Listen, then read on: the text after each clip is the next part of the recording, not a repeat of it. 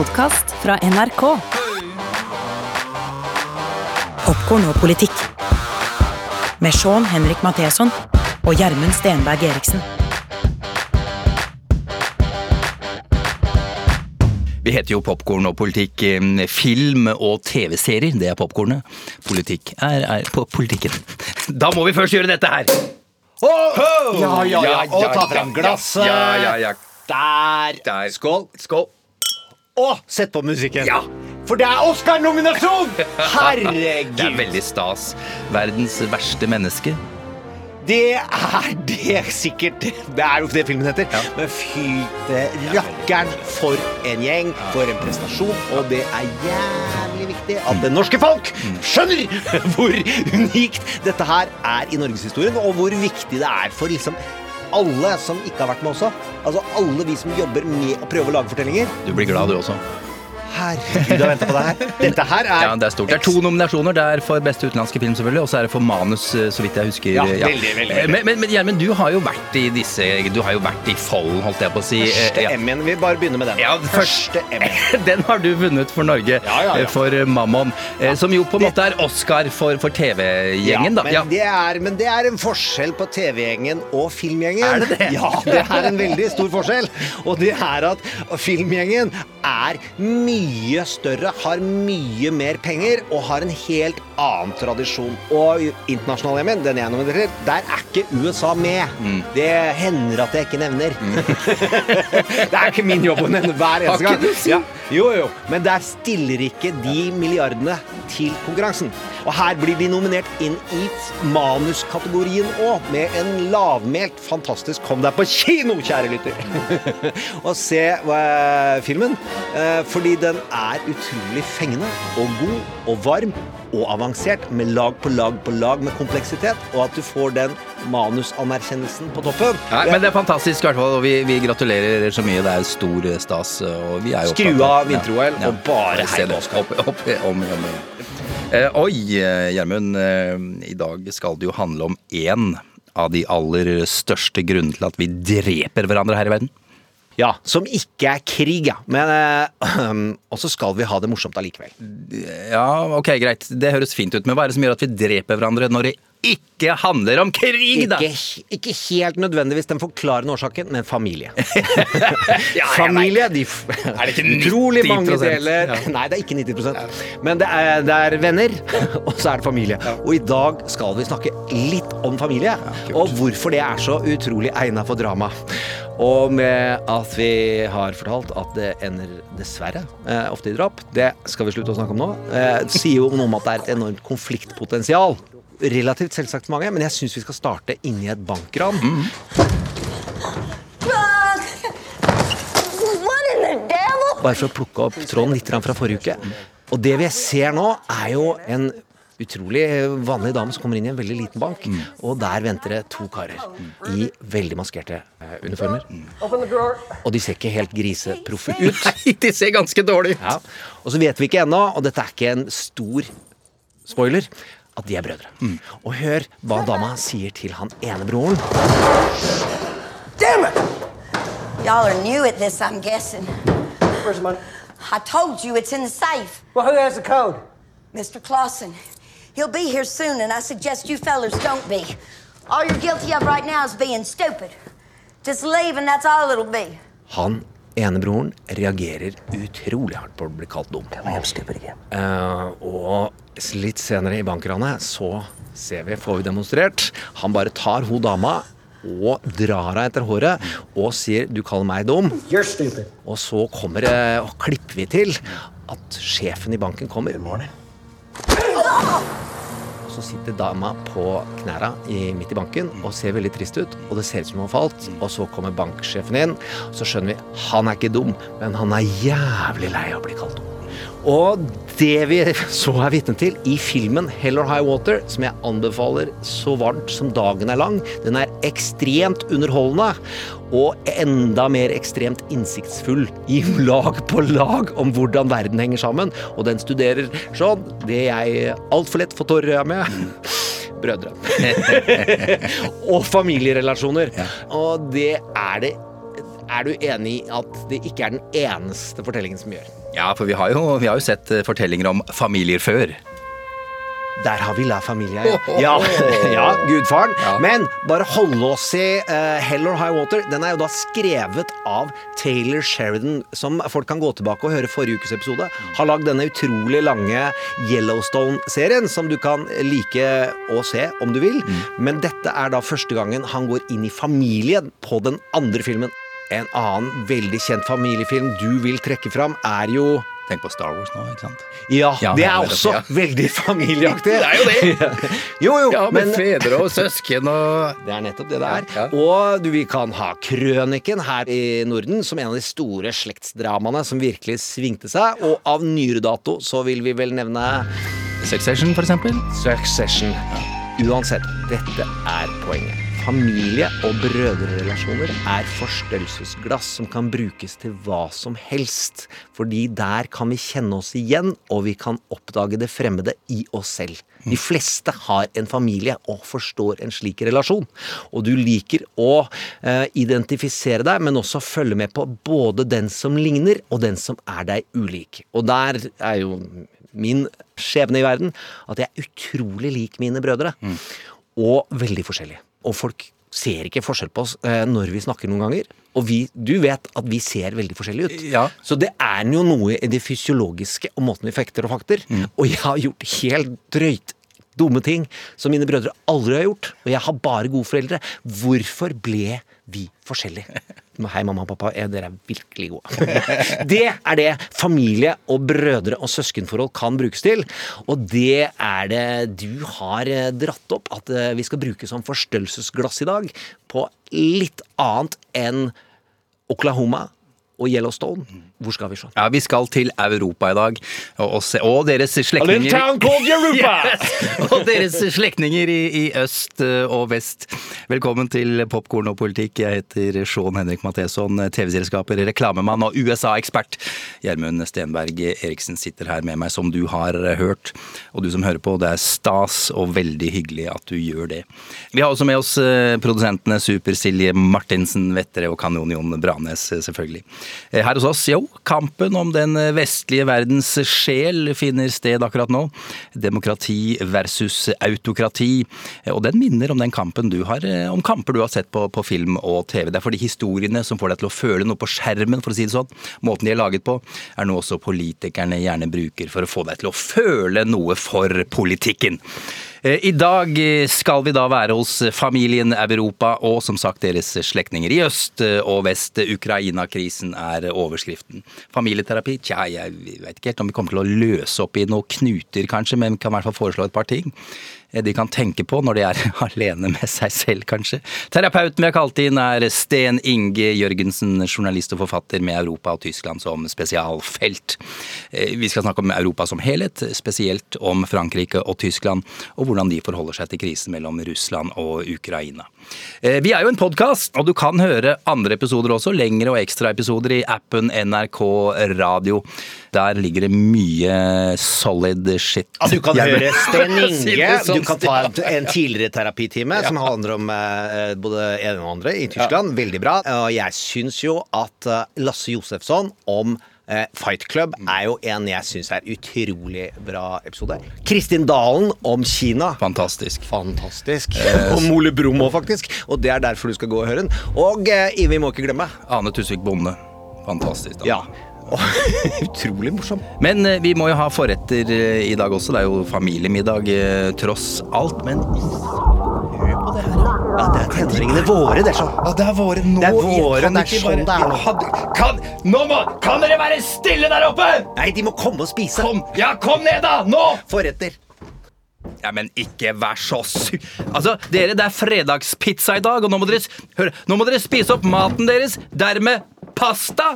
Nei, men kom igjen, da! Er dad jokes feil også, nå? Hva er det for noe? Dad jokes. Jeg har et så varmt hjerte for dad jokes. Og forretter. Forretter, helt riktig, Gjermund. Eh, Tre ting vi går løs på før eh, hovedrettene. Den første, hva er det? Jo, vi får den servert i hvert fall av familiens rampunge, pøbel, rakkerunge, slyngel, bøllefrø, rampegutt, farkepakk. Farkepakk. Greit. Jeg fant det på internett i går. Farkepakk nytt. Er det hjerteinfarkt på skremmende mennesker? Ja, kanskje i hvert fall drittunger. Forgive me. Ah, som det skamløse mennesket han er, Boris Johnson, så beskyldte han jo nylig lederen for Labour, Keir Starmer, for å ha beskyttet Jimmy Savile, en sexovergriper som var programleder i BBC i mange år. Det Gjerne er en skam for programlederstanden! Ja, det er helt altså, kanskje grusomt. verdens største skam for programlederstanden på vegne av en viss helt programlederstand. krise. Og han var jo da programleder for ja, programmet Barney. Seks tiår med overgrep eh, ble avdekket i, i 2010. Keir Starmer han var riksadvokat på dette tidspunktet, og det kom da fram eh, bevis mot eh, Savile allerede i 2009. Men dette ble ikke fulgt opp, eh, og det er dette her Boris da gir Keir Starmer skylda for. Bare nevne det, Keir Starmer hadde ingenting med denne etterforskningen å gjøre. Ja, og det Boris gjør der, er å ta tak i den samme fortellingen som man har gjort med Hillary Clinton, QAnon-bevegelsen. Dette å utnytte pedofili og klistre på din politiske motstander.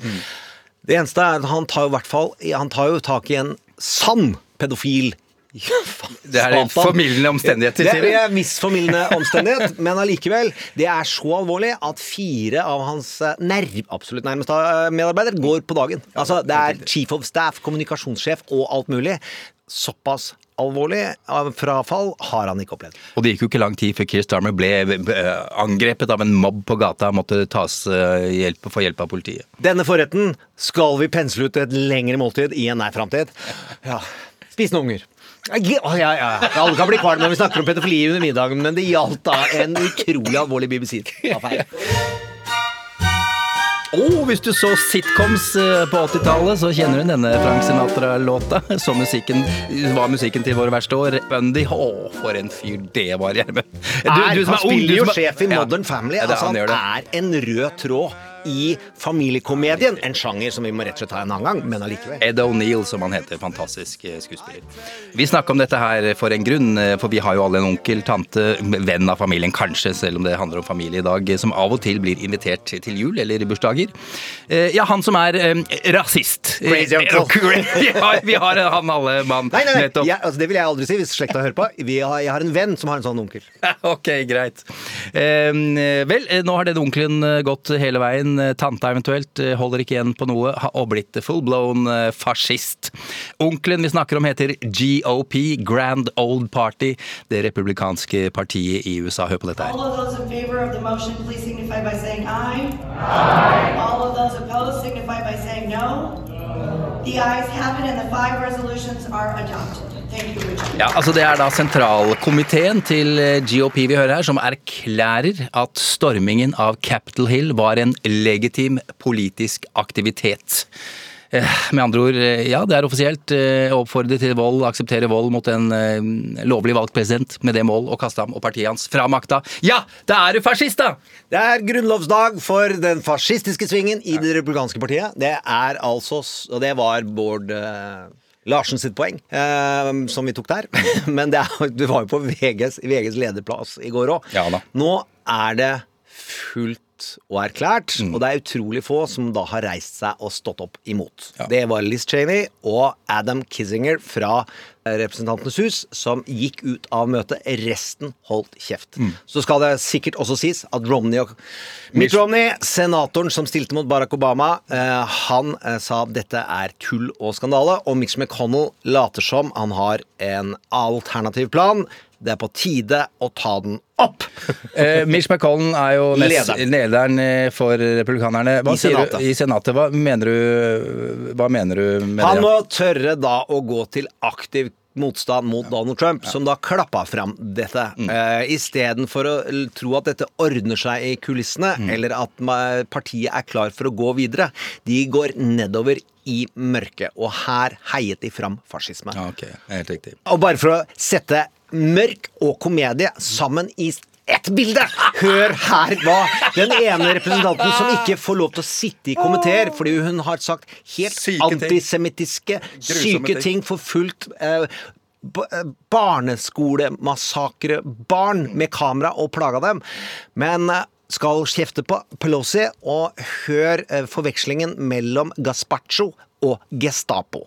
Før du ler deg i hjel, for det syns jeg du skal gjøre når du hører setningen, så tenk på følgende. Jeg hørte i går om det kommer en bok til høsten om en som følger denne delen av basen sterkest, og han sier denne dama har makt. Hun presser allerede den lederen av republikanerne i Kongressen, McCarthy, han som kommer til å ta over Kongressen med 95% sannsynlighet i november, så krever hun politiske konsesjoner allerede. Hør nå forvekslingen mellom Gazpacho og Gestapo. She is still dangerous, but dangerously stupid as well. Not only do we have the DC jail, which is the DC gulag, but now we have Nancy Pelosi's gazpacho police spying on members of Congress, spying on the legislative. gazpacho police!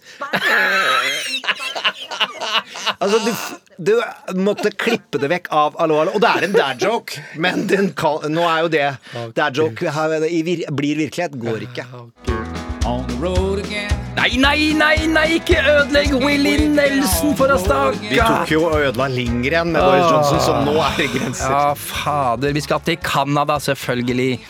Jeg lurer på om vi kan fastslå at det internasjonale ytre høyre er i ferd med å ta uskylden til USAs eh, streite kusine i nord. Der har lastebilprotesten stengt ned enda en eh, grenseovergang. Nå er tre overganger til USA helt eh, stengt, eh, med lastebiler som, som stenger veien. Det starta jo Ottawa, hovedstaden i Canada, da lastebilsjåfører protesterte mot vaksinetvang. Det som jo er veldig pussig her, er at eh, ifølge Lastebilforeningen i Canada, så er 90% av dem vaksinert allerede. Og, Canada er jo mer enn snittet gjenvaksinert i hele verden av land.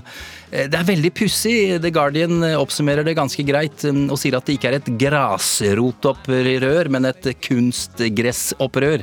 Altså en kunstig protest der de på en måte skyver da, skal vi si internettforførte folk eh, i- ut i bresjen og tar av. Jeg er mest opptatt av streit flink kusine. Jeg syns det var en veldig god beskrivelse Takk. av Canada. Og Takk. jeg dras veldig mot streite flinke kusiner. Eh, og det er jo tospråklig, ikke sant. Ja. Snakker flytende fransk og flytende engelsk. Ja, ja, ja. Men for ei suppe, da. Sånn apropos mat, eh, mener jeg. Eh, Men du, eh, Gjermund, skal vi dundre løs på familiedrama, da? Popkorn og politikk. Family, family. I go to war with my family. Ups and downs, wrong or right, this family. They think that we crazy. They say that we crazy, can't handle it. My back on the wall, back. Who I call my family? We different, we stick out, stick out, wig out, wig out, bug out, pop out, hop out, ball out, show out. Family, family. I go to war with my family. Ups and downs, wrong or right, this family. Var det Adams Family, Gjermund? Selvsagt. Ah, nice. Og derfor heter den Adams My Family eller et eller annet, ja. Ok. Europa! Og den utvidede familien. Vi skal snakke om Europa i dag. Hvem er de egentlig? Eller hvem er vi? Vi nordpå hører jo hjemme der, vi også. Familiedrama er tema i dag, og det er ikke tilfeldig, for vi har lyst til å gjøre Europa til en stor familie. Det går jo an. Hvorfor ikke? Eh, La oss eh, dele Europa inn i tre søsken eh, som på hvert sitt vis må forholde seg til en eh, stor krise. Dette høres ut som en film allerede, Gjermund. Kunne vi skrive et familiedrama som egentlig handler om Ukraina? Har vi tid til å gjøre det? Og få den ut! Det smeller! Det har vi ikke. Men i alle samtaler du vil få hvis du prøver å skrive et manus noen gang med en dramaturg, hvert sitt salt, vil alltid begynne Hva er familierelasjonene i ditt drama? Hvis du ikke har tenkt på det som forfatter når du begynner, så har du ikke gjort Mm. Jobben. Så det, la det være sagt. Og det lærte jeg av en dramaturg. Velkommen, Sten! Tusen takk. Journalist, eh, altså utenrikspolitisk eh, journalist i Morgenbladet, forfatter. Og så godt har du jobba for at nordmenn skal forstå Tyskland at du fikk Willy Brandt-prisen i 2015. Wow, det er stas! Veldig, det var veldig hyggelig. altså. Ja, veldig, Det er ikke Ja, eneste ja, nå snakker vi om. Oscar-vinnerne og Willy Brandt-vinneren. så- Og Emmy-vinneren der. Ja, nå- ja. Our common goal is to prevent a war in Europe. I believe that we have concrete, practical solutions that will allow us to move forward. Torsdag denne uka så satt Russland, Ukraina, Tyskland og Frankrike i et ni timer langt møte i Berlin. Sten, eh, har du fått noen rapporter? Hva er siste nytt eh, fra det møtet? Nei, det er jo bare at man prøver ut alt man kan av sånne modeller, da. Og ser om det liksom er det mulighet til at vi kan kompromisse. Det er kjempevanskelig og kommer til å ta lang tid, men det er jo et veldig godt tegn at eh, det nå ikke lenger bare er sånn troppeoppbygging, og at det bare er Washington, Kreml, men at eh, liksom europeerne begynner å komme Ja. faktisk litt på banen. Ja, nå har det vært møter hele uka, litt forskjellige steder, så det er godt. Men la oss da eh, begynne med det de faktisk handler om, for å si det sånn. Hvem er disse i, i denne storfamilien? Og så begynner vi med, med Russland. Det er jo, så Jeg holdt på å skrive en bok nå sammen med en russer om forholdet mellom Vesten og Russland. Og han uh, insisterer på at Russland egentlig er en opprørsk tenåring som er pælma ut av huset. Foreldrene gidder ikke å ha han der. Og så løper han ut og slår på dørene og vinduene og pisser på plena og sånn. Og egentlig vil han bare ha kjærlighet. Han vil bare komme inn. Åh, uh, ja. Kjenner meg igjen. Ja, ok, så det er Russland. Ok, Ukraina, da. Hvem er, hvem er det? Nei, Ukraina har jo vært oppført seg litt sånn penere, da, tenker jeg resten av Europa. Og så er man jo heller da ikke Ukraina har ikke de musklene heller, det er ikke så farlig, liksom. Så Ukraina har fått komme litt inn, da. Men beskriv forholdet de har, da. Nei, det går jo så langt tilbake som knapt noen vet, og så har du jo til og med noen som mener at disse landene nærmest har vært ett. Men det som er helt sant, det er at i østlige deler av Ukraina så er jo forbindelsen til Russland mye sterkere enn i vestlige deler. Så det er jo på en måte et litt delt land. Men det er helt feil å si at vest og øst har helt forskjellige syn i konflikten. Det har de ikke. Altså, særlig nå etter anneksjonen av Krimhalvøya og involveringa i Donbas-området, så mener jo de aller fleste ukrainere at dette er jo helt uholdbart. Også Og- de med russisk tilbøyelighet. ja, ja. sånn. Og det var jo også mange av de som var fremtredende på Maidan, altså det opprøret i 2014. De eh, var jo opprinnelig russiske familier, altså. Så er den ukrainske nasjonaliteten, den er det høy bevissthet om både blant ukrainsktalende og russisktalende ukrainere. Altså det store deler av de ser på seg som del av en ukrainsk stat, ikke sant? Ja, men så er det jo også sånn at selv om identiteten trenger ikke være like sterk hos alle at de nettopp er ukrainere, men de kan allikevel føle at øh, det er bedre å ha ukrainsk statsborgerskap og kunne nærme seg Europa. Altså det er øh, egentlig praktisk nyttig, da. Eh, hvis vi ser på, som jeg sa, eh, Europa er tre søsken. Det er alltid tre, Per, Pål og Espen, og, eller som de tre søstrene i Tre søstre? Vegard Edmund eller Asgeir, tilfeldig valgt tre navn. Det, det er jo søsknene dine. Øst-Europa, Sør-Europa og, og Nord-Europa. Hvem er disse søsknene, Sten? Hvis vi tar østeuropeerne først, da, så har jo de erfart på en måte at eh, Moskva er eh, en skummel, egentlig, storebror. Da kommer det litt annen metafor igjen her. De eh, hater jo egentlig russerne, mange av dem, og så syns at det er helt forferdelig å tenke seg at Russland fortsatt skal øve innflytelse på noe vis i Øst-Europa, fordi de har jo levd under Moskvas styre med tvang. Det er en fiendtlig innstilling, og der eh, på en måte er det veldig harde fronter. Mm. Litt krenka. Ja. Ja. Og med god grunn, delvis, da. Ja, ja. Hva med Sør-Europa, da? Hvem er de? De er litt lenger unna geografisk, det hjelper nok. Mm. De har jo aldri egentlig følt at den der kalde krigen og alt det var liksom så nære. Mm. Så der har du en veldig pragmatisk holdning. Det er litt sånn Nei, kan vi ikke få komme eller bare videre, liksom? Og slutte med sanksjoner og handle videre med Russland som før. Altså, se litt stort på det. Altså. Det må være mulig å fornærme sydeuropeere. Det er det nå ikke Så det er, det er jo litt manjana manjana-broren. altså han som ikke leser så himla hardt ok. og tenker at dette ordner seg. Ja, litt sånn eh, Ja. synsforlatelse etterpå. Ja, ja, men altså, det er jo som en god katolikk kunne jo også uttrykt det veldig positivt og sagt at ja, vi klarer å se litt stort på ting, og vi er litt romslige. Ja, ok, fint. Eh, Og så er det oss, da. Nordeuropeerne. Hva er vi for en gjeng? Ja, det er jo interessant at vi er liksom to ting på en gang. da. Vi liker egentlig russerne ganske godt, det viser jo masse målinger. Og vi ønsker egentlig at de skal liksom nærme seg oss, men uh, da må i så fall de bli liksom en helt annen først. Ja, okay. Fordi vi har ikke etikk til å Vi har ikke mage til liksom å tåle denne autoritære utglidinga. Så da må de ta seg kraftig sammen. Ja, ok, Vi har noen prinsipper, liksom. Vi har noen prinsipper sånn, bare Ja. Skjerp dere, liksom. Ja. Så liker vi dere Ja. enda bedre. Okay. Ja. Jeg liker den setningen, for den har jeg hørt i familier blitt uttrykt. Ta deg kraftig sammen. Vi er med andre ord helt klart uh, forskjellige. Eh, Og spørsmålet blir jo da selvfølgelig hvordan eh, denne gjengen her skal ordne opp i denne krisa. Og hvordan forholder politikerne i øst seg til, til det som foregår nå for tida, Sten?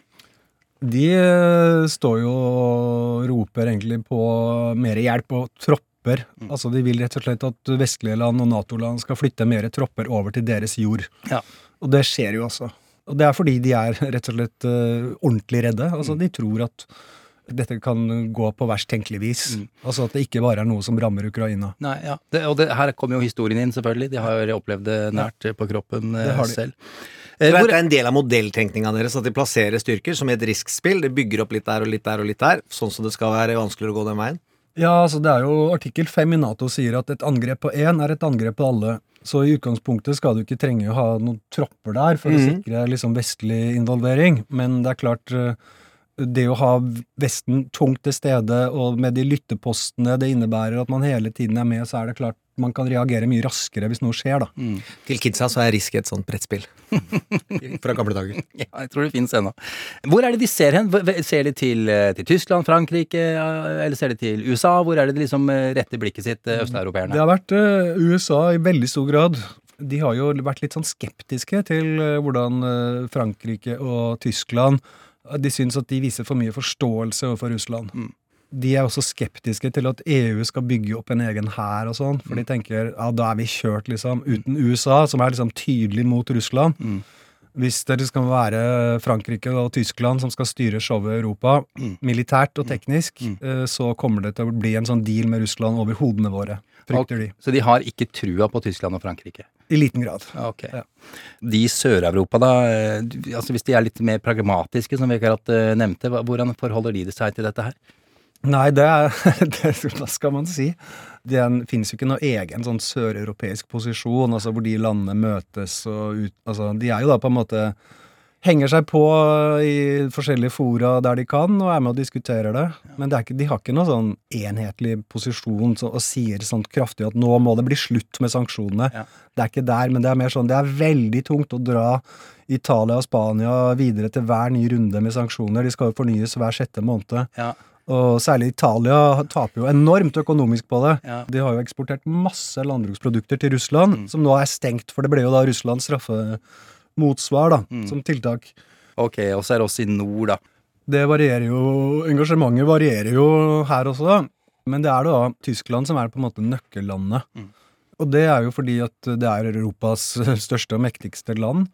Den veien Tyskland går, får liksom betydning for hva som blir den endelige russlandspolitikken. For Tyskland så er det å ikke støte østeuropeerne fra seg veldig viktig. Mm. det er lettere for Frankrike på en måte å gå over hodene på de andre enn det er for Tyskland. Hvis da Tyskland sitter ved forhandlingsbordet, som de nå gjør, da, så er det klart de prøver så godt de kan å ta hensyn til, til østeuropeerne. Og de har også hatt en del møter med Polen i det siste også, og prøver liksom å hekte de på, da. Eh, Men det vi kan anta, det er at man skal på berolige da Russland på et eller annet vis, sånn at de kan trekke eh, styrkene tilbake og feire en slags seier, da. Altså, og det er liksom tusenkronerspørsmålet. Hva slags seier, og hvordan kan du tillate at noen vinner en seier etter å ha brukt den liksom maktdemonstrasjonen det er å sende masse soldater? Altså, på hvilken måte kan han forsvare å gi noen en innrømmelse etter det? Det er kinkig. Det er det det handler om nå, eller å få til eh, det på en måte? Ja, da må det i så fall være veldig tydelig at dette var ikke bare en premie til Russland, men det var også en premie til oss alle, da. Eh, Ikke sant? Så alle på en måte vant noe. Ja. Og, og veldig tydelig, og særlig da Ukraina. For Ukraina får jo litt svarteper oppi det hele her, ikke sant? Fordi Nato-landene vil jo ikke slippe inn uh, Ukraina. De bare står og sier det. Ja, dere skal liksom få bli med en dag, men det er ikke sant. Men hvorfor er ikke det sant? Det er fordi at det er for altfor sterk motstand internt i Nato, og særlig Tyskland og Frankrike, to nøkkelland, er helt imot det. De mener at det skaper en voldsom uh, sikkerhetstrussel. Også på toppmøtet i Bucarest i 2008, da Nato kom med denne invitasjonen til eh, Ukraina, eller ikke-invitasjon, eller hva man skal kalle det, så var jo da Tyskland og Frankrike helt imot det. Og det var USA og øst østeuropeiske land da, som tvang det gjennom. Men dette er jo da spillet bak, for de sier du ikke eksplisitt, for Nato skal, enkeltlandet enkeltlandene skal få lov til å bestemme selv om de søker. Så da er jo da, dette dramaet skjer jo i det usagte, og der lever familiedrama veldig godt. Det med at eh, Tyskland er så opptatt av eh, tidligere østblokkland, for å si det sånn, det antar jeg har med historien eh, deres å gjøre, Sten? Ja, det går jo tilbake til tiden da Tyskland var delt. Eh, For så vidt så går det mye lenger tilbake, fordi de er jo en, på en måte en sentraleuropeisk makt, egentlig. Ikke sant? Det er ikke som eh, det vi, vi tenker på Vesten, som Tyskland som en del av Vesten, men de har jo ikke hatt det selvforståelsen. De har jo vært mellommakten. Og det å ha sterke forbindelser til Russland har jo vært en selvfølge alltid, og Katarina den store var jo tysk, ikke sant. Men uh, hvis vi går da til uh, hopper frem til kalde krigen Tidligere forbundskansler i Vest-Tyskland, Willy Brandt, eh, han da dro til Warszawa og knelte og ba om unnskyldning for holocaust. Og han satte i gang det som ble kjent som ostpolitikk, eh, som ikke har noe med ost å gjøre, men det er da det tyskerne sier for øst. Tilnærmingspolitikk. Altså at man aksepterer ikke at disse stengslene skal være her for alltid. Og sett i ettertid så er jo da det tyske sosialdemokratiske partiet, som nå igjen sitter ved makta, de føler at dette er noe av det stolteste de har vært med på. Altså Ja. de på en måte bidro mer enn Reagan, liksom, som var sånn 'tear this wall down' og sånn. Mm. De mener at nei, nei, det var det langsiktige arbeidet, liksom, som førte frem. Å dra til Warszawa, folkens, og se byen. Altså se hva som var, og hva som ble. Det er jo et sted å si gå på knærne, det, altså. USA har vi jo nevnt opptil flere ganger nå. Eh, Hvordan eh, vil du beskrive dem i, i vårt eh, familiedrama? Det er en sånn litt mer sånn distansert onkel, altså. Det er, Kina er så viktig for USA nå. Så de skulle helst ønske at det ikke fantes noen problemer på det europeiske kontinentet. Så egentlig er det sånn ja, vi må bare finne en løsning, liksom. Og det er ikke helt i europeernes interesser, ikke sant. Fordi det er ikke, for oss er det ikke bare viktig at det blir ro, men det er jo viktig hvilken type ro. Men for USA så er det mer det bare å finne en løsning, liksom. Er de litt sånn lei av oss? Tenker de bare Hvis ikke dere kan ordne opp i dette her, så gjør vi det, liksom. Ja, det er en sånn blanding. De er, litt, de er litt lei av det, og de har altså sagt gjentatte ganger fra mange mange amerikanske presidenter at nå må dere begynne å bygge opp mer forsvar selv og kunne klare noe selv. Så er det klart det er litt sånn flatterende å altså være den som kan komme sant, på den hvite hesten og rydde opp, ikke sant. Ja. Husk at uh, på Balkankrigene så var Europa helt sjanseløse til å fikse det selv. Det var helt avhengig av USA. Og har ikke fortsatt den kapasiteten. Nei. Altså det er Alle medlemslandene i EU insisterer jo på at de skal ha sin egen utenrikspolitikk og sitt eget nasjonale forsvar. Og samla så bruker EU-landene fire ganger mer enn Russland på Forsvaret. Men fordi det er ikke interoperabelt, så har de en slagkraft som er bitte liten sammenligna med Russland. Det er ikke samkjørt. Det er ikke sånn at disse styrkene bare kan liksom gå sammen i en felles aksjon med en kommando og sånn. Det er rett og slett ulike stikkontakter. Ja, det er det. det, er det. Bra, bra forklart, Gjermund. Men vi snakka litt om det i sted, at eh, østeuropeerne de er jo kanskje glade for at ikke Europa har disse styrkene, mens andre savner jo dette her. Vil det noensinne komme på plass, tror du? Ja, jeg tror det kommer eh, etter hvert, og jeg tror at eh, nå vet også østeuropeerne at eh, det kan komme en ny maniac i Det hvite hus. Og det mest dramatiske oppi det hele er jo at da en ny Trump kan slett trekke USA ut av Nato, og da mister østeuropeerne alt, ikke sant. Men da kunne de ønske at det var en europeisk hær på plass. gjett ja. om. Ja, ikke sant. Et land vi ikke har, eh, har snakka så mye om i dag foreløpig, er jo eh, Storbritannia. Eh, De flytta jo hjemmefra, bor nå i ei kald og fuktig stue på en øde øy i Nordsjøen med vegg-til-vegg-tebbe på dass! To ord om, om hva, hvordan de er oppi alle, alt dette her. Ja, så kommer denne store krisen, og så er det Og de har så lyst til å ha et ord med i laget, de også! Og det er helt veldig uklart hvilken rolle skal Storbritannia spille her, liksom. Det er jo, hvor, hvor mange kokker må det til, liksom? Men så har Lavrov gått med på å møte da britiske Var hun liksom som banka på døra og ville være med inn på festen? eh, Sånn bare ja, kan jeg få være med, også? Ja, det var ikke Lavrov som ringte henne. Nei. det var ikke Nei, det var ikke det. Ja. Så Liz Truss, britiske utenriksministeren, eh, møter da Sergej Lavrov, russiske, og så eh, dummer hun seg ut, da, fordi det kommer opp noe sånn navn på diverse regioner da, i denne sørlige delen av Russland som grenser over til Ukraina, og så vet hun ikke helt hva som er russisk jord og hva som er ukrainsk, og så har hun noen meninger om tropper som skal trekkes tilbake, og så kan liksom Lavrov si du, dette er da russisk territorium, og så blir det veldig pinlig. Ja, det er i hvert fall historien som den er rapportert. Jeg var ikke til stede. ikke, ja. Det hjelper vel ikke akkurat eh, på eh, Storbritannia sin eh, selvtillit, for den er vel Hvordan har de det for tida? Det kan, kan ikke være så innmari bra. Nei, de angrer seg jo da. Det er jo stort flertall over mange år nå har ment at brexit var feil. Ja. Det er jo sånn onkelen som har uh, gått fra tante og ikke tatt noe ansvar og i det hele tatt og vært på fylla, og det er bare tull. Og så unnskyld. Der sitter han som den skamfulle hunden. Så sitter han og tenker unnskyld, det er bare uh, oh, gud, jeg fikk helt sug i magen nå. Ja, ja. så grusomt. Ja, Ja, for dette har du jo gjort sånn. Ja, Nei, det har du skylde- Får skylde seg sjæl. ja. Nei, det er ikke det man kan tilgi. Ja. I, det er jo det med familie. Man skal tilgi. Man skal tilgi. Men eh, sånn samla sett da, Sten, eh, hvordan står det til med, med selvtilliten til Europa for tida? Det er det vanskelig å gi noe helt sånn Fordi det som har vært vanskelig i Europa de siste årene, har vært den autoritære utglidinga i Polen og i Ungarn. Én ting var liksom Storbritannia, for det var liksom clear cut, øh, i den forstand at de ville jo faktisk da ut. Men med Polen og Ungarn er det mer sånn øh, Ok, burde vi egentlig ha kasta de ut? Fordi at de er ikke lenger ordentlig demokrati, liksom. Og hva skal vi gjøre med den forvitringa som pågår litt i flere land, da? Men så uh, har man etter hvert nå litt på optimisme på det, fordi man ser at det å holde tilbake penger, det ser ut som det kanskje hjelper, da. Man har begynt å holde igjen litt uh, fra Brussel, for det er jo enorme overføringer til disse, disse landene. Foreldretriks. Ja, Bare er- noter, folkens. Gode, gamle triks. Du får ikke ukepenger lenger. Et eller annet sted så er det, funker det ganske lenge. Men hva, skje- gjør det noe konkret med politikken som føres i f.eks. Ungarn og Polen? Ja, og det er jo da eksempel eh, Polen så har jo da innført et sånt disiplinærkammer for dommere. Uh, som er liksom helt ukonstitusjonelt uh, i ethvert annet land. Uh, at de kan straffes egentlig for beslutninger som regjeringen da ikke liker. Det har de sagt nå at de kanskje skal legge ned. Men så kommer det for en dag at nei, de har vel tenkt kanskje å erstatte det litt med en annen. Altså. Så det er det sånn, dette er ikke helt ferdig, kan du si. Men bare det at polske presidenten innrømmer at de kan backe på noe, det er, det er viktig, da.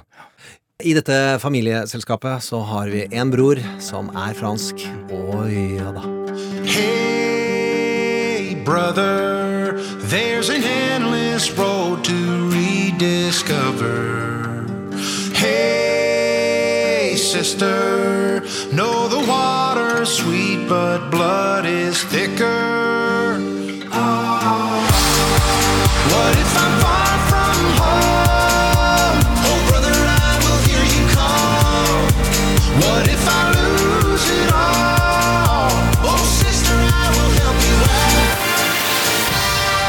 Oh, og politikk. Må ikke glemme Avicii, folkens! Ja, det, den har jeg ikke hørt på 100 eller noe av der. Ah, Den var fin. Du ser så rart på meg, Gjermund.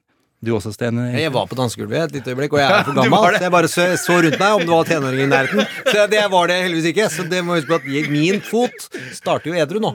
Jeg har blitt kommet dit i livet at jeg er ikke så nøye på det lenger. Ja, det er så sjukt at du kan danse uten å være full.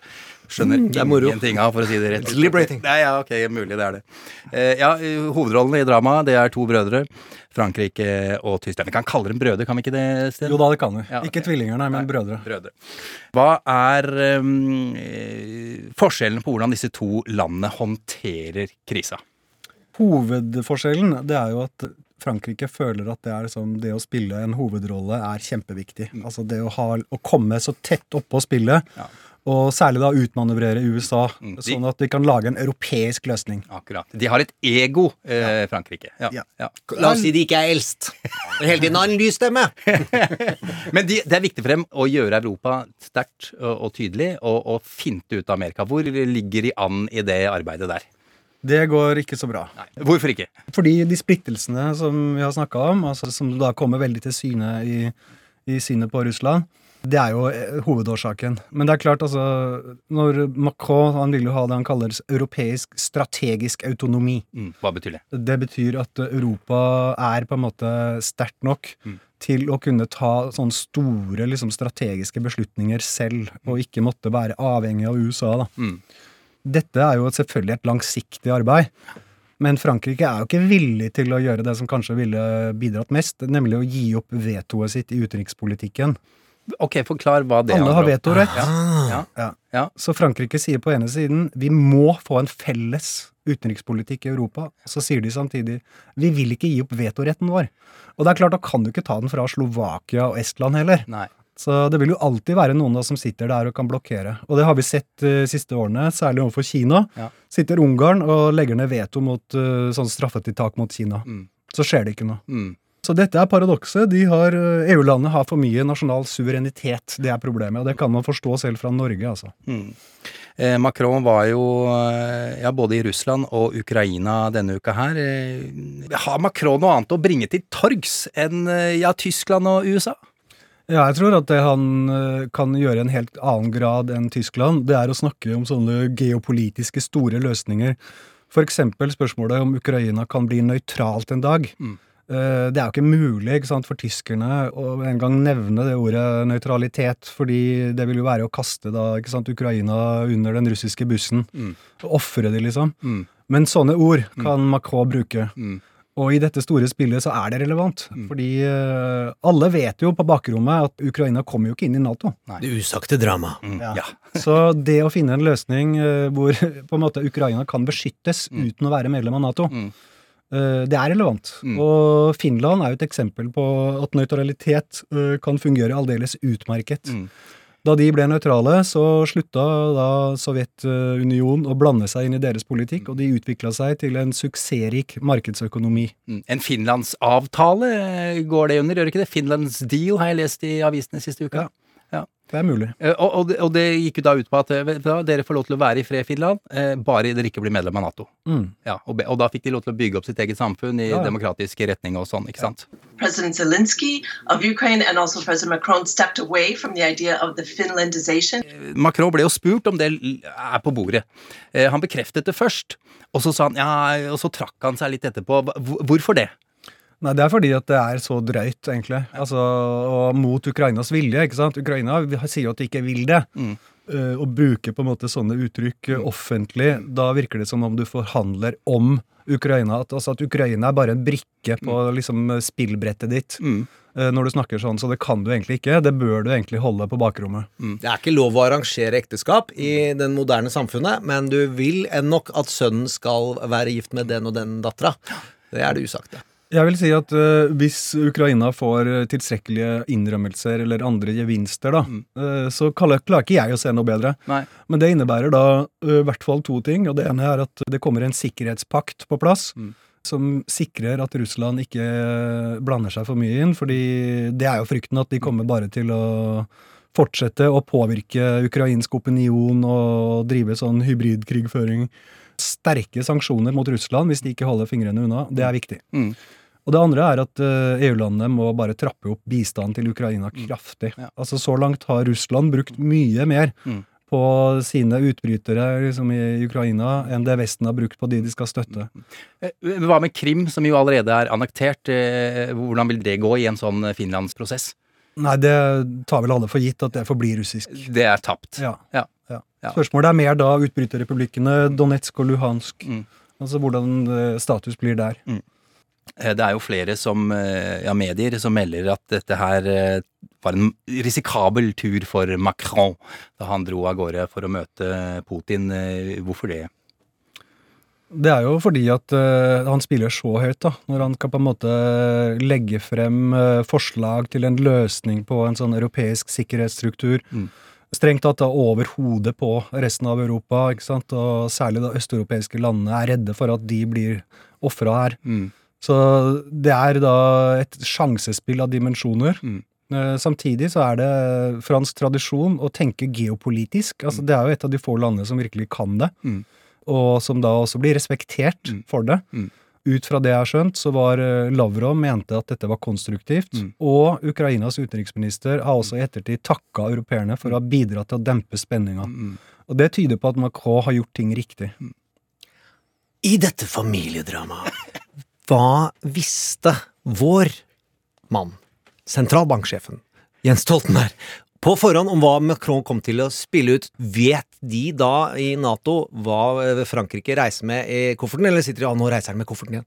Nei, Det er et godt spørsmål. Eh, Det er ikke sånn at eh, Nato-landene egentlig kan konsultere så mye på tvers, for de har jo masse avvikere allerede. Altså Tyrkia er eksempel med i Nato. Som selger raketter til Ja, ja. Russland? Ja. Mm. Det hadde vært veldig rart hvis han ikke har snakka med Jens. Altså Hvis ikke Nato er liksom uh, orientert om hva han tenker å komme og si. Det er veldig rart. Men dette må holdes da i veldig små fora, ikke sant. Men hva med DNA-testen? Ja, det er gøy! Det er veldig, veldig, gøy! å Ja. ta koronatest. Russisk koronatest. Vi har jo sett det morsomme bildet der de sitter i hver sin ende av dette fem meter lange bordet. Eh, og grunnen til det har nå har vi, vi lo litt av det til å begynne med, men det er jo fordi Macron nekta å ta koronatest. eh, For han ville jo overhodet ikke at russiske eh, hemmelighets... Hva heter det? eh, FSB? Hemmelige tjenester. Eh, Ja, hemmelige tjenester. Mm. Vil ha hans DNA. Leste jeg i en annen avis nå. Det høres rimelig ut, det gjør ikke det? Jo, altså, franskmenn ser stort på ting, ikke sant? Det er de Og tenker aldri langt. hva Hva skal hans DNA brukes til? Altså Hvordan vil det misbrukes? Det er å tenke utrolig langt fram i tid. Hvordan Russland eventuelt har teknologi hvor det skulle komme og slå tilbake. Uh, her føler jeg at Mission Impossible 12 kommer til å komme. Ja. Oi, men hør på dette her.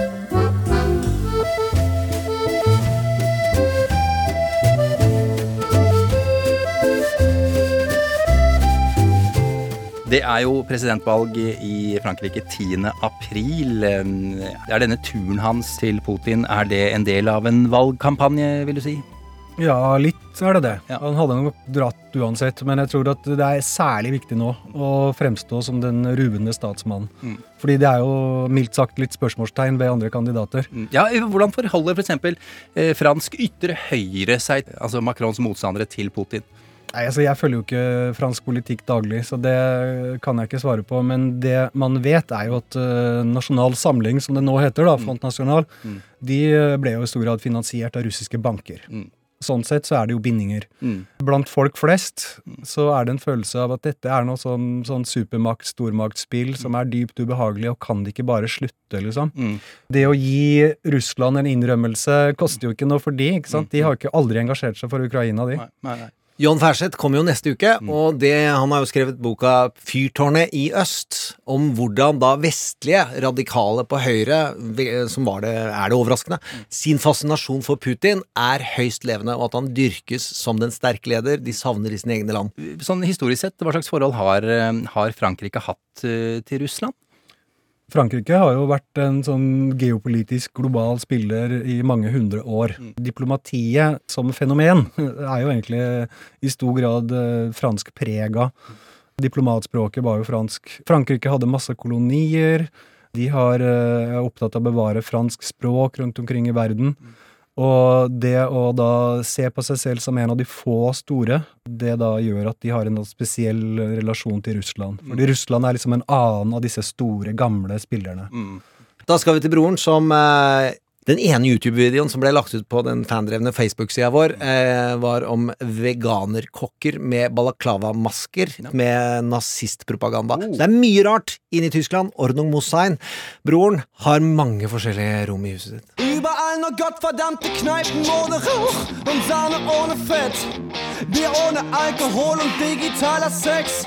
Wellness, Wochenende, bloß kein Stress, kein Koks oder Crack. Tod dem Exzess. Popkorn og politikk.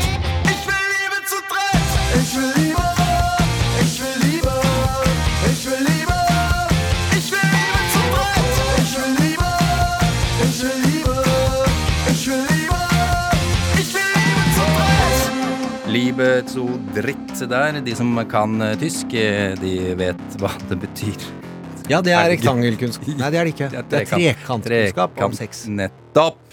Du sa det rett ut. Jeg valgte ikke å gjøre det. Vi skal til Tyskland. Broren til Frankrike, han som egentlig bare vil ha fred og ro, men som jo egentlig er den aller sterkeste av dem. Og Sten eh, Inge Jørgensen, eh, nå har jo Tyskland eh, fått kritikk for eh, å kanskje ta det litt rolig, da, for å være litt for tilbakeholdne med å kritisere eh, Russland og ta et standpunkt. Er det velberettiget eh, kritikk? Det er bare som både ja og nei. Det er veldig kjedelig svar. Eh, Det er sånn at eh, Grunnen til at f.eks. de ikke vil sende våpen til Ukraina, det er at etter andre verdenskrig så er det pasifistiske elementet så sterkt at det bare klarer det ikke. Det er da, jeg så en meningsmåling. 75% av tyskerne vil ikke sende våpen til Ukraina. Altså De har ikke noe mandat i folket for å gjøre det. Og du kan jo også argumentere rent sånn uh, militærhistorisk eh, faglig med at eh, det er ikke sikkert heller det er så lurt å sende våpen til konfliktsoner. Nei, ja, sant? Så dette går an å forsvares på annet vis. Så der mener jeg forståelsen er grei. Og så er det det som er mer vanskelig, da. Det er jo at eh, på ene siden så har jo Tyskland fått en ny regjering eh, hvor de grønne inngår, og de er jo, har jo lovt å bli tøffere mot Russland. Og Anna-Lena Baerbock er jo nå da de grønnes utenriksminister. Og så uh, har da samtidig eh, SPD, Sosialdemokratene, som har da Olaf Scholz, eh, kansleren, tvert imot den ønsker jo mer oppmykning overfor Russland. Så nå er den eh, splittelsen i regjeringa veldig sterk. Mm. dette er kjempevrient, egentlig, og da klare å ta noen klare posisjoner. Jeg vil bare si på vegne av vår podkast at eh, ja- og nei-svar er spennende! så det er det vi prøver å holde på med. Å gjøre ja- og nei-svar til så spennende som mulig. Eh, Men hvordan håndterer de da denne splittelsen i, i regjeringen? Det gjør de ved å samle seg sammen med andre allierte. Så da er det på en måte Nato som får, kan du si, en eh, ja, fremtredende rolle på grunn av det. Hva er det Tyskland er mest engstelige for i forhold til Ukraina-krisen, Sten? I det store bildet så er det jo at en ny krig i Europa vil ha uoverskuelige konsekvenser. Det kan jo bli titusener av døde, store flyktningestrømmer osv. Men eh, rent faktisk så er det jo sånn at eh, i konflikten med Russland så er det jo Tyskland som har mest å tape økonomisk. eh, fordi eh, tysk næringsliv er jo da tungt til stede i Russland. Og så kommer da energiforsyninga på toppen av det hele og gjør det nå ekstremt vanskelig. Fordi gassprisene har jo økt med Eller de har femdobla. Og Tyskland mottar mesteparten av sin gass fra Russland. Og hvis enten ukrainerne eller russerne stenger da forsyninga via, som nå går via Ukraina, så har du jo en kjempekatastrofe. Ja, for vi har jo hørt eh, veldig mye om eh, Nord Stream 2, eller Nord Stream eh, 2. Gassrørene som går direkte fra, fra Russland og til eh, Tyskland. Den er ferdig, men ikke tatt i bruk eh, ennå. Hvem er det som taper mest dersom eh, Nord Stream 2 ikke blir tatt i bruk? Er det Russland eller i Tyskland da? Ja, det er jo, Tyskland vil jo innebære en enorm sikkerhet for de å kunne ha forsyninger som ikke må gjennom Ukraina. Tidligere i dag så sa du at eh, Europa må, må gi mer og hjelpe Ukraina mer. Er, får ikke de masse avgifter som de har eh, godt av, Ukraina, gjennom den rørledningen som går gjennom Jo, Ukraina vil jo ha den og tjene masse på den. Ja, Så For de er jo et enormt svik. De opplever jo at uh, Tyskland bygger denne rørledningen, opplever de jo som et kjempesvik. Ja. Men det er, er det ikke nærings, altså tysk og russisk næringsliv som står bak denne egentlig, er det ikke det? Jo da, det er Ja. ikke noe stat-til-stat-greie. det er det ikke. Nei. Og hvem sitter i styret i Nord Stream? Nei, det har jo den en tidligere forbundskansler i Tyskland som heter Gerhard Schröder. Han har slått seg opp da i russisk energibransjen. Ja. Men hvorfor er denne Nord Stream 2 så viktig, eh, Sten Inge? Eller er den ikke viktig? Er den, er, den er kjempeviktig. Men vi må ta et skritt tilbake, og så må vi se på framtidas energipolitikk og energiforsyninger. Og det er sånn at USA er jo de som er på en måte er mest imot Nord Stream 2. De er jo mest imot, og de sier det er fordi at uh, det er, blir så synd på Ukraina og sånn. Uh, men det de vil, er jo selv å selge såkalt LNG, Liquefied Natural Gas, på store containerskip til Europa. Så de vil jo inn i det markedet. Og nå får de det, for nå har da ikke sant, Olaf Scholz vært i Washington og øh, bli gått med da på at øh, ja, nei, vi kan jo ikke åpne Nord Stream 2, da, antageligvis, da, hvis Ja. øh, denne konflikten eskalerer. Ja. Og da har Biden lovt ja, vi skal sende masse skip nå. Så, ja. Men eh, Biden sa jo det klokkereint, at eh, den eh, Nord Stream 2 den kommer til å rammes av eventuelle sanksjoner. Scholz dro litt på det da, Sten? Han var ikke klokkeklar, det, han? det var klokt av, ja. mener jeg klokt av Scholz, fordi du sier ikke på forhånd alt du skal gjøre. Da kan liksom Russland gjøre en sånn, rett og slett en kalkyle, ikke sant. Hva er risikoen, hva er gevinsten? Du kan ikke legge alt på, på bordet. Men så er det sånn at det er ikke bare opp til Olaf Scholz om den eh, kabelen eh, skal inngå i sanksjonene. Fordi EU-landene, det er jo faktisk et område hvor de vedtar. Ikke? Eh, EU-politikken felles, det er sanksjonspolitikken overfor Russland. Og det er ikke bare Tyskland som er bekymra hvis forsyninger av russisk gass uteblir. Det er også andre EU-land som er veldig avhengig av det. Så det er ikke sånn at Olaf Scholz bare kan skalte og valte med denne rørledningen som han vil.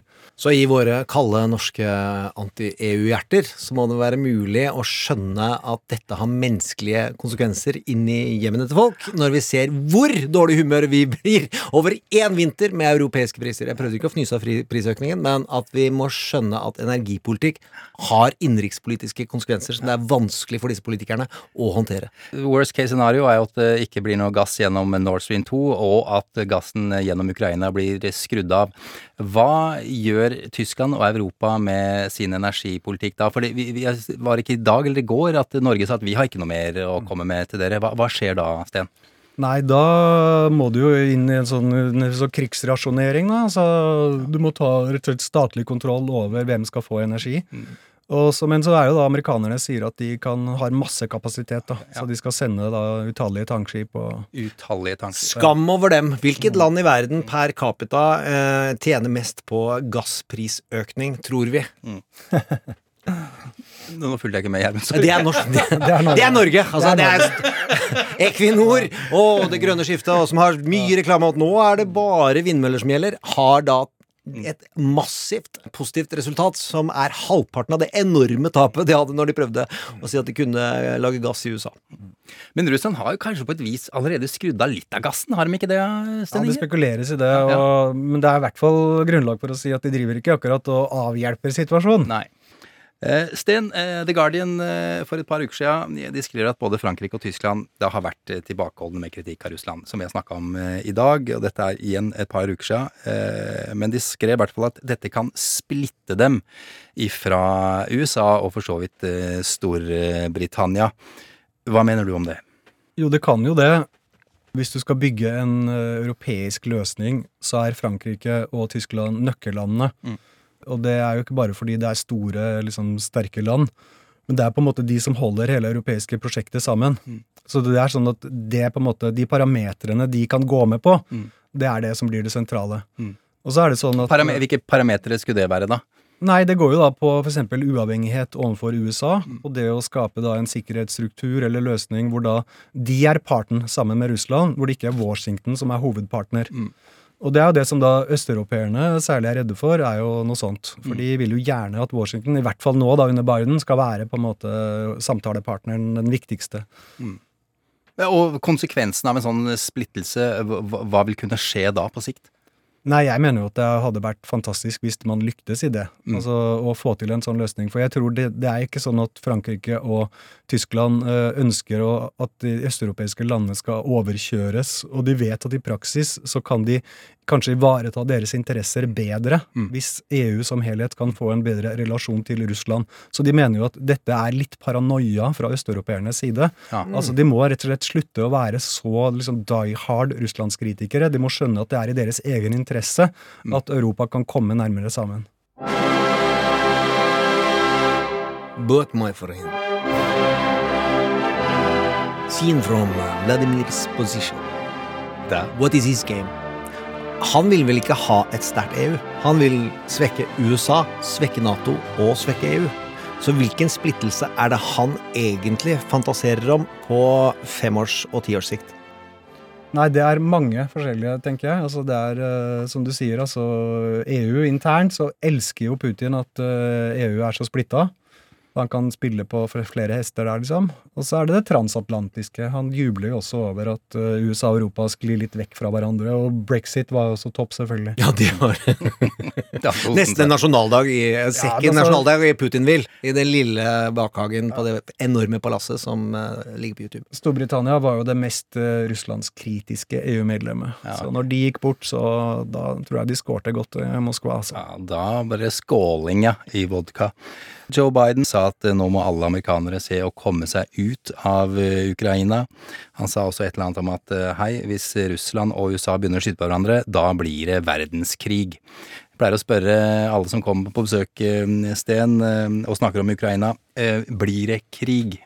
Nei, jeg tror ikke det. Jeg tror at, og det vet altså Kreml så godt, at hvis de skulle finne på å invadere Ukraina i noenlunde skala, så for det første er den ukrainske hæren nå kjempesterk. Altså, de har også krigserfaring. eh, Så man må regne med da enorme tap på begge sider. Og det skal da han, altså Putin forsvare i russisk opinion at de dør i kamp med et ukrainsk broderfolk. Ikke sant? Argumentet hans har jo vært på en måte at Ukraina hører liksom hjemme sammen med oss. ikke sant? Og så skal de da liksom slakte ned hverandre. Det, det er ikke noe, det er ikke noe oppskrift på suksess for Putin. Og så er det tillegg, som er minst like vanskelig, er at det blir sanksjoner i en helt annen skala enn etter anneksjonen av Krimhalvøya. Altså straffetiltakene kommer til å bli så kraftige at russisk økonomi stuper. Og det er også sånn at selv om Russland er et autoritært land, så er Putin avhengig av en viss uh, sympati i opinion. Og russere sliter allerede med økonomien, og noe sånt, det er katastrofalt. Hvor, hvor lenge kommer vi til å holde på med dette, her, tror du? Og når er det vi liksom finner en løsning? Nei, det kan gå flere måneder til, det. Så, men det er som sagt mange gode nyheter nå i det siste. Altså på at alle partene finner interesse liksom, av å holde det gående. Så ja. Forsiktig optimistisk er vi nå. Det er litt hyggelig det òg, Gjermund. Men Sten, hvis du får ansvaret for eh, det bryllupet hvor alle disse søsknene skal sitte sammen, hvordan skal de sitte i forhold til hverandre? Jeg, gitt at jeg er litt sliten av eh, den ordnung Mossain utad, og ikke alt er ordnung innad, eh, må sitte litt langt unna tyskeren. Men hvordan må de andre sitte? Det viktigste er jo hvem det er som faktisk gifter seg, tenkte jeg da. Ja, ja, det- ja, for at Hvem er toastmaster, hvem er forlover? Og Men det er da rett og slett uh, løsninga på det hele er at Russland gifter seg med EU. Det er faktisk det. Wow! Og det er da Vi snakka om Russland som litt sånn tenåring som egentlig er litt sånn aggressiv, men egentlig bare trenger kjærlighet. Og faktum er at Russland fikk aldri en utstrakt hånd fra Europa etter murens fall. Det var aldri noen som sa til russerne vær så god, dere kan bli med og velge integrasjonsform i Europa liksom dere vil. og Aldri. Aldri en utstrakt hånd. Det er helt sant. Og om det ikke landes godt i det kulturhistoriske fenomenet som utspiller seg i ganske mange seriefilmer, nemlig at bad boy goes good again, eh, det skal kunne gå. Jeg blir alltid litt irritert over folk som da tilgir at alt det gale de gjorde, men det er greit. Jeg- greit, greit, eh, Gjermund. Sten Inge Jørgensen, tusen takk for besøket. Takk, takk. Og hvis du ikke bare vil høre Sten Inge Jørgensen, så må du google den han skriver for Morgenbladet. Ukas cliffhanger, ja. Ah, det er tid for ukas cliffhanger, og vi skal få Jon Færseth flydd inn fra Ukraina, og det er ikke tull engang. Nei, og han kan ting som vi skal ha det moro med. Det kommer til å bli sjørøverfortellinger og Ukraina. Og det er en nær og god sammenheng. Dere vil ikke forstå det før dere er der, men først. Tilbake til brødre. Jeg er en, jeg har to, og jeg har to sønner som hver har én. Og det å miste en bror eller søster virker på meg som noe helt særegent, som å miste en del av deg selv. Du kom sammen inn i verden, du kom fra samme vei, og noen av oss føler brødrene våre i verden om vi snakker med dem hver dag eller ikke. I Ukraina har mange mista sin bror det siste året til krig allerede. Og det er litt fort å glemme når man er så redd for den store, ekspansive krigen som man nå frykter. Det skal vi snakke med John Ferseth om, og av omtanke med brødre og søstre i Ukraina og alle, så er den vakreste låta om familie jeg vet om, det handler om to brødre der én er borte, med denne setningen If you please come back to me if only as a ghost, av nordmannen Jonas Alaska. Kom tilbake neste uke for moro om mørket. Det blir sjørøverfortellinger og Ukraina, og det er en grunn til det. Men aller først, hør ferdig Jonas om broren sin. Could you please come back to me if only as a ghost? I might not be alone in grief, but I need you most. You're not just my older brother, you're my best friend. I never got to tell you that. So please come back again. My sweet wife is sleeping now, so's my newborn son. I wish you could be with me as my life just begun. You should see him lying there, he looks just like me. But I sure hope that it is you that he grows up to be.